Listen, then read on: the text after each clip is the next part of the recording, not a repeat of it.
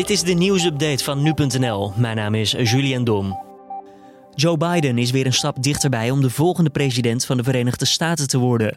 Het Amerikaanse kiescollege heeft de Democraat nu ook tot winnaar uitgeroepen.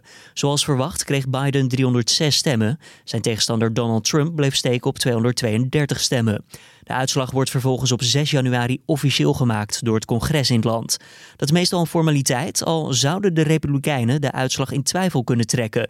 Bij die laatste stap kan er daarom nog voor complicaties gezorgd worden.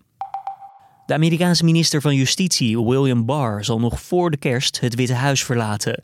Barr is een loyale aanhanger van Trump, maar de president leek snel klaar te zijn met de vriendschap toen Barr stelde geen bewijs te zien voor de verkiezingsfraude waar Trump over roept. Ondanks het vertrek van Barr blijft het ministerie van Justitie onderzoek doen naar de aantijgingen van Trump en overige republikeinen.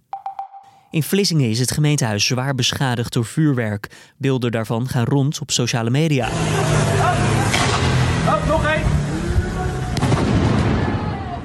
Er werd door verschillende groepen opgeroepen om te rellen in de stad, mogelijk met dit als resultaat. Burgemeester Bas van den Tillaar noemt de beelden heftig en schrijft over pure vernielzucht.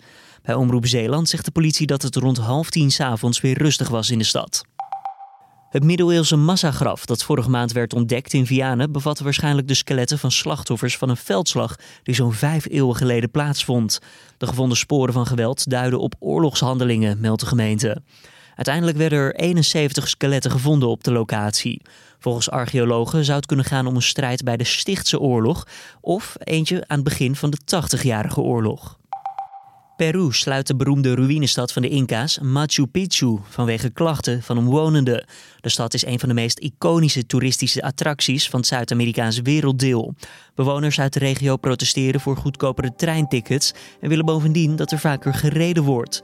Zolang de protesten voortduren, is Machu Picchu gesloten voor iedereen. En dit was dan weer de nieuwsupdate.